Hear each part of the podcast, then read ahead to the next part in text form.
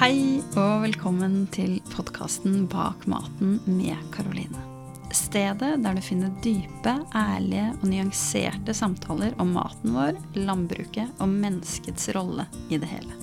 I denne podkasten så forsøker jeg, Karoline Aalum Solberg, å utforske roten av utfordringene vi står overfor i dagens matsystem, og løfte fram reelle løsninger for framtiden. Løsninger som vil bygge opp igjen økosystemer, økonomi og mennesker, og ta vare på dyra våre. Jeg kaller det fremtidens regenerative matsystem.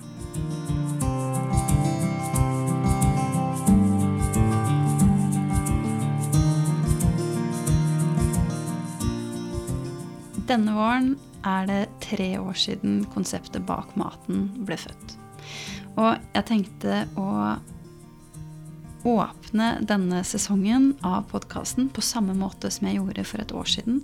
Nemlig ved å dele mine tanker og eh, erfaringer med dere. Og rett og slett bare eh, prate selv uten å ha noen gjester. I fjor så handla denne episoden om Eh, min reise gjennom studietid, ulike organisasjoner og trainee-tiden min, der jeg ble kjent med eh, matsystemet vårt. Det var på en måte eh, bakgrunnen for eh, podkasten og hvorfor jeg gjør det jeg gjør. Hvis du har lyst til å høre mer om meg og reisen min og eh, bakgrunnen for podkasten, så anbefaler jeg å høre på denne episoden. Det er episode 19 på Søken etter bærekraft, min personlige historie.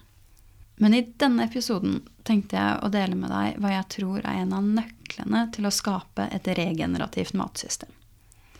Dette er innsikter og erfaringer jeg har gjort meg etter mer enn et tiår inn og ut av ulike miljøer, arbeidsplasser, studier, organisasjoner eh, i matsystemet vårt, og mer enn 50 dybdeintervjuer med nøkkelpersoner som er eksperter på mat, landbruk eller begge deler. Både gjennom den podkasten her og den første podkasten eh, Bak maten, en podkast om bærekraft.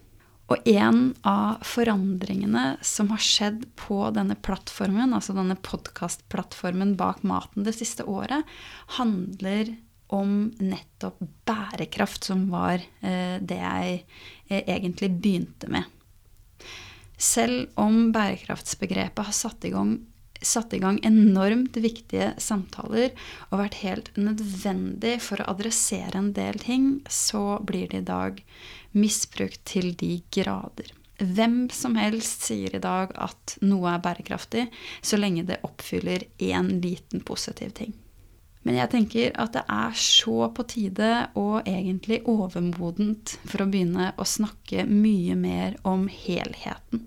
Vi kan ikke lenger ta ut en liten bit av et stort og komplekst bilde og gjøre noen ørsmå justeringer og så kalle det bærekraftig. I mine øyne så er det grønnvasking og symptombehandling. Og jeg så så utrolig mye av det i tiden min som trainee. Altså, hvor mye kan vi egentlig gjøre uten å gjøre noe som helst med den egentlige årsaken til problemene vi står overfor? Hvor mye kan vi kalle grønt og bærekraftig, som egentlig bare er business as usual i en annen innpakning? Men det her er ikke unikt for landbruket.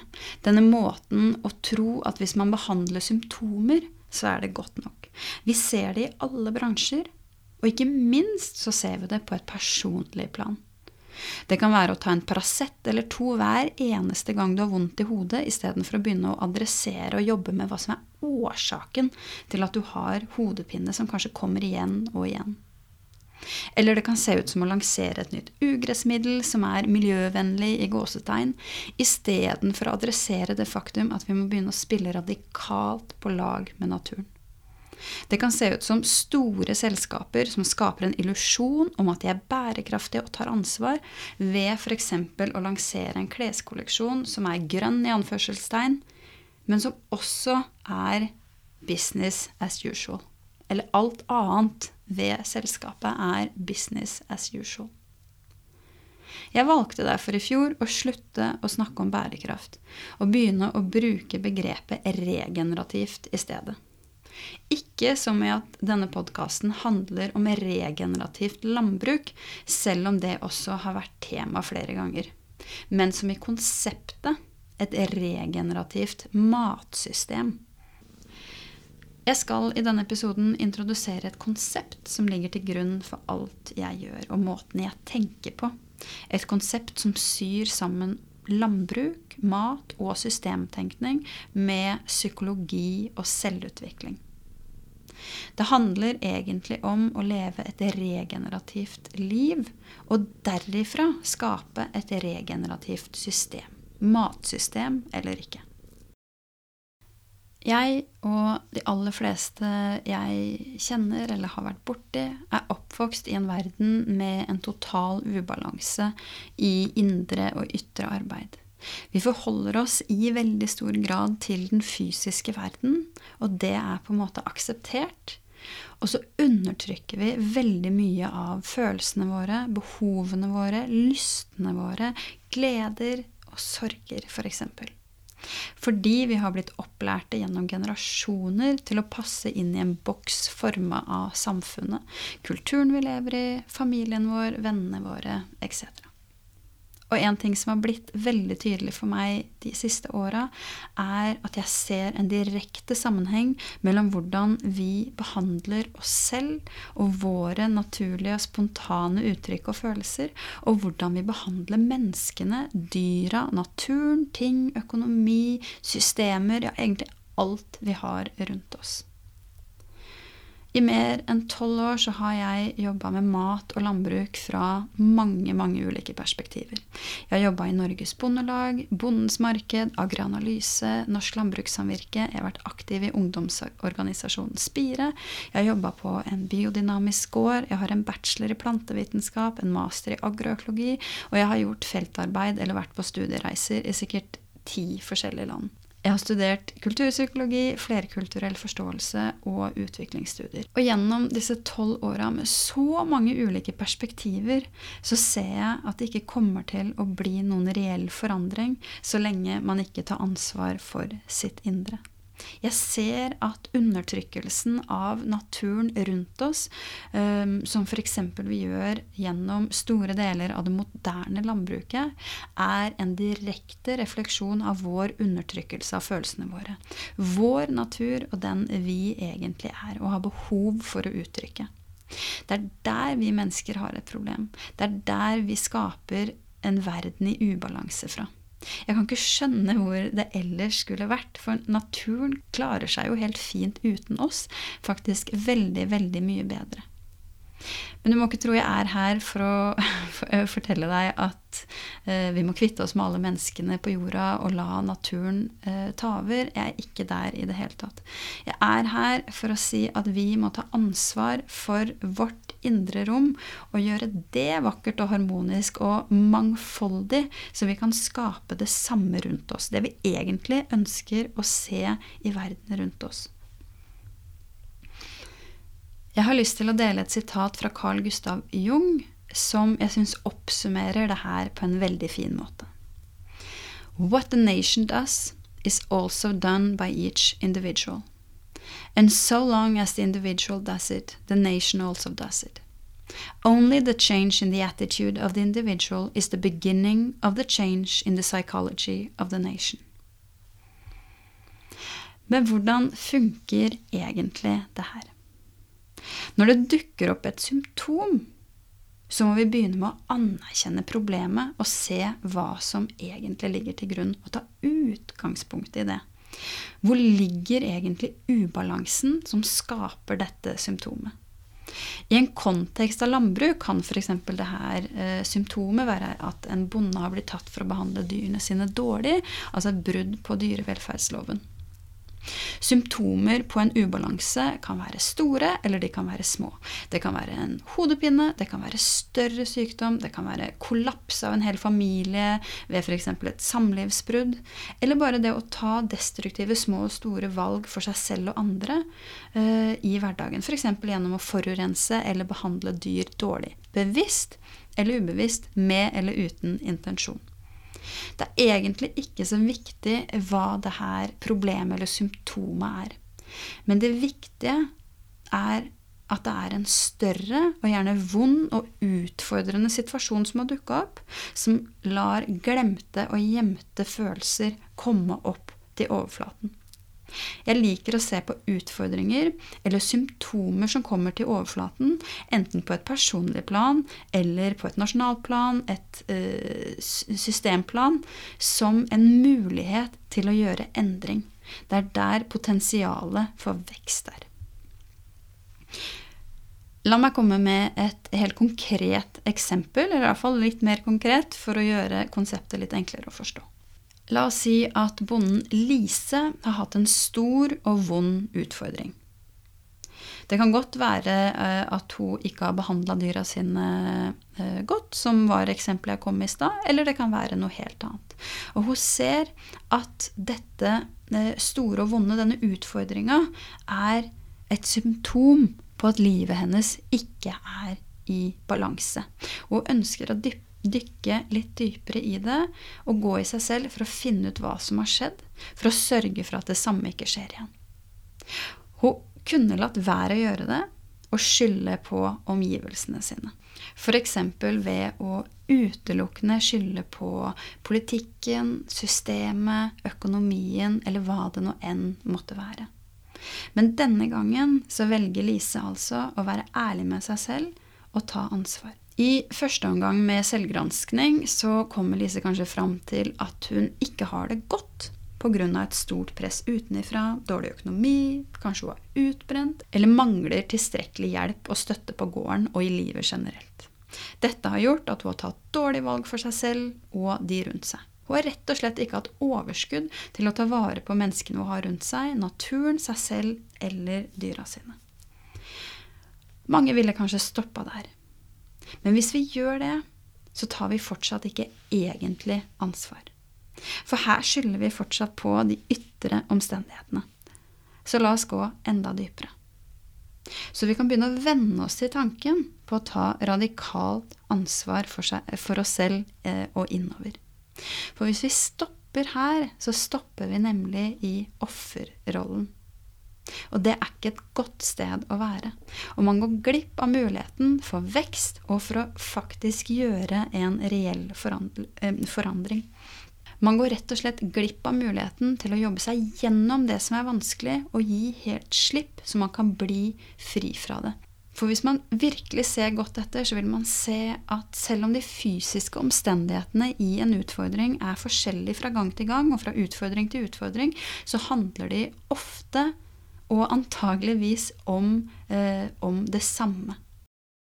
Men hvis Lise i denne situasjonen i stedet tar fullt og helt ansvar for livet sitt, så ville hun kanskje spurt seg selv Hvorfor har jeg tiltrukket meg og satt meg i en situasjon som gjør at jeg blir utbrent. Hvor jeg ikke har det godt, og hvor jeg ikke tar gode valg for meg selv og de rundt meg. Hun kommer kanskje fram til, hvis hun er veldig, veldig ærlig med seg selv, at hun ikke tillater seg å leve et godt liv. Men hvorfor ikke det? Har ikke alle egentlig lyst til å leve et godt liv?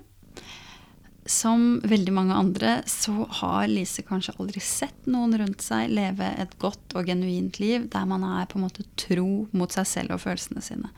Og hun kjenner derfor ingen måte å gjøre det på. Hvis hun plutselig skal leve et godt og genuint og lykkelig liv, så betyr det at hun må bryte med alt hun kjenner. Det betyr at hun må gå opp stier som hun ikke har sett noen andre gå opp før henne. Det gjør henne nødvendigvis veldig, veldig utrygg. Og disse følelsene, altså det å føle seg utrygg og utenfor, er dype, dype følelser hos mennesker. Og vi gjør alt vi kan for å slippe å kjenne på de, og heller kjenne på tilhørighet og trygghet. I eksempelet med Lise her, så jobber antageligvis underbevisstheten hennes på spreng for å holde henne trygg. Og trygghet handler om å være i det som er kjent, selv om det er vondt og fører til et eh, ulykkelig liv. Dette er en så grunnleggende mekanisme i oss mennesker at de aller fleste forblir i smerte, kanskje egentlig ubevisst, hele, li hele livet. Fordi det krever så mye av oss å bryte ut av det kjente for å leve et godt liv. I dette eksempelet så kan det f.eks. være landbruksmiljøet hun kommer fra, og, eller familie, foreldre som hun er redd for å bryte med. Det kan handle om subtile holdninger som hun er vokst opp med, som er så dypt planta i, eh, i underbevisstheten at hun ikke engang vet at de er der. Det kan være holdninger som går på at hos oss så tjener vi ikke mer penger enn at vi akkurat klarer oss. Eller det er ikke ordentlig arbeid hvis man ikke jobber 14 timer i døgnet. Eller vi tar ikke imot hjelp av andre hjemme hos oss, for her klarer vi oss sjøl. Disse holdningene har man kanskje hørt i en eller annen variant hele livet, og de har lagt seg dypt, dypt i underbevisstheten. Man vet ikke engang hvilken enorm betydning de har i hverdagen. For underbevisst, selv om ikke det er bevisst, så vet du at hvis ikke du mener å gjøre det samme som flokken din, så betyr det at du ikke er trygg. Dette kan føre til dyp, ubevisst selvsabotasje som går på f.eks. å jobbe deg halvt i hjel og sørge for at man nesten ikke tjener penger. Dette kan være ting man gjør, og som tar mange år å komme til kjernen eh, i å avdekke at man faktisk gjør mot seg selv, og at man har andre muligheter. Fordi det er sånn du har sett at det har blitt gjort. Og i første omgang ville kanskje Lise i dette eksempelet eh, bli sint og legge skyld på foreldrene sine. Eh, Idet hun finner ut at dette er holdninger som hun har arva fra de. Hvordan kunne dere legge disse holdningene på meg og behandle meg på denne måten? Dette er en helt naturlig del av prosessen. Men hvis vi ser nærmere på disse holdningene og mønstrene, så vil vi kanskje se at de har blitt nedarva gjennom generasjoner. Og ikke minst så vil man også erfare hvilket mot det trengs for å bryte ut av de og gi slipp. Og kanskje derifra kan man møte de som har overført holdningene direkte til deg, med medfølelse. For de har det også fra noen. Og det er foreldrene dine, besteforeldrene dine, andre nære relasjoner som har påvirka deg. Og de har heller ikke hatt ressurser til å ta et oppgjør med de. Jeg har lyst til å ta deg med enda litt dypere enn disse uttalte holdningene. For dypest sett så kan vi si om at de handler om manglende selvrespekt og egenkjærlighet. Lise, som vi bruker i dette eksempelet, kommer kanskje frem til gjennom dyp, dyp selvgranskning at jeg har jo egentlig blitt fortalt at i vår familie så er vi ikke verdt å leve i økonomisk overflod. Så det er også min sannhet. Og jeg fortsetter jo å nedarve de eh, holdningene til mine barn med mindre jeg gjør noe med dem. Eller jeg fortsetter å jobbe 14 timer i døgnet fordi jeg ikke har nok respekt for meg selv og er glad nok i meg selv til å se at jeg fortjener å lytte til og ta vare på meg selv. Så vi og Lise fortsetter å leve ut denne historien fordi vi føler oss fanga. Men det starter med bevissthet. For som jeg har sagt, disse tingene, de er dypt, dypt ubevisste.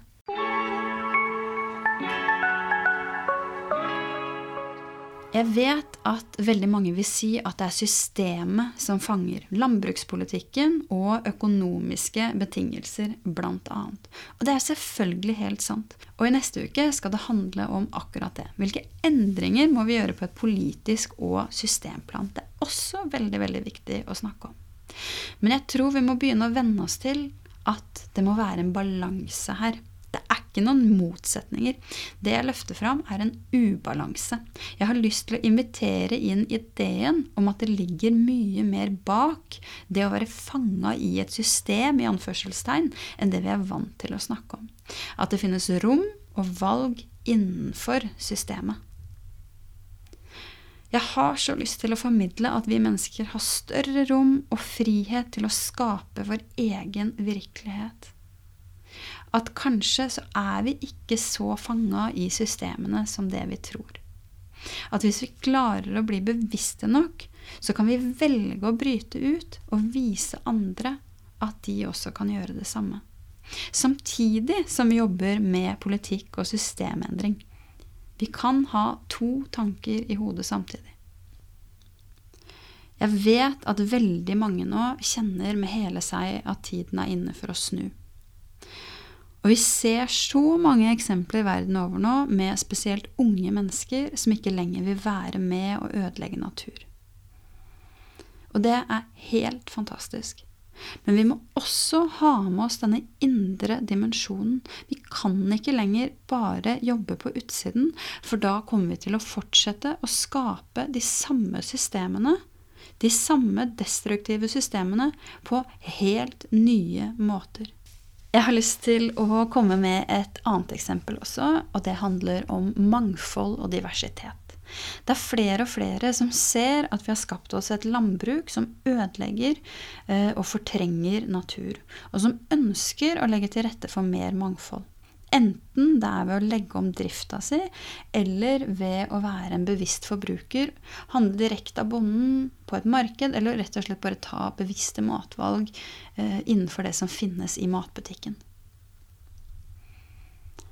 Men hvorfor har vi mennesker skapt oss systemer som er så ensformige, og som undertrykker og ødelegger natur?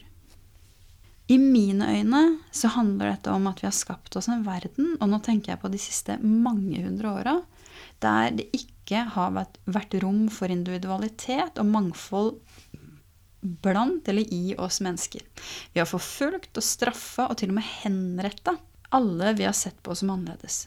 Tenk på homofile, tenk på heksebrenning, på rasisme og utnyttelse av mennesker med annen hudfarge i det ekstreme. Men også i det små har vi hysja ned alt som er vondt og vanskelig, og som handler om følelser og uttrykk som skiller seg ut. Alt som egentlig er mangfold, spontant og vanskelig å kontrollere. Fordi det er skremmende å ikke ha kontroll. Og vi har gjort det samme i landbruket.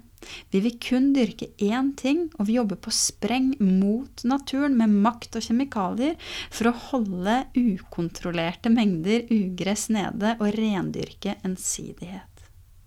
I mine øyne så er det ikke noe tvil om at dette henger nøye sammen. Og det handler dypest sett om å akseptere mangfoldet i oss, så vi kan akseptere mangfoldet rundt oss.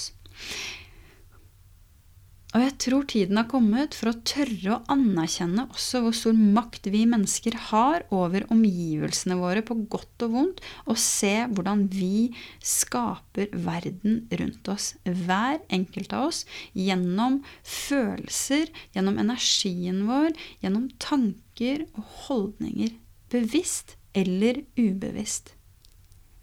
Vi må ta ansvar for vårt indre og ytre liv, ikke bare det ytre. Å skape fra bevissthet og ikke ubevissthet. Jeg er helt overbevist om at hvis vi skal skaffe oss bransjer, systemer og et landbruk som spiller på lag med naturen, som jeg vet så mange ønsker seg nå, så må vi lære å anerkjenne at vi også er natur. Altfor lenge har vi holdt igjen og skapt oss kunstige systemer for å heve oss over naturen. Hvis vi ønsker oss en verden med mer natur og mangfold, ja, da er jeg helt sikker på at vi må tørre å være mer mangfold og natur selv. Og det her er det jeg ønsker å vie tiden min til fremover. Dette krysningspunktet mellom mat, landbruk, systemtenkning, psykologi og selvutvikling. Å hjelpe andre å se hvordan den ytre og indre verden henger sammen.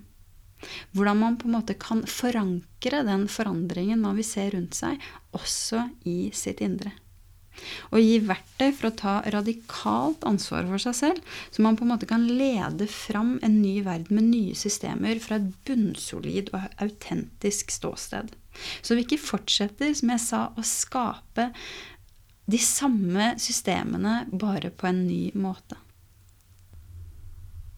Hvis du kjenner at denne måten å tenke, jobbe og manifestere på roper på deg, så kan du jobbe med meg på flere måter nå.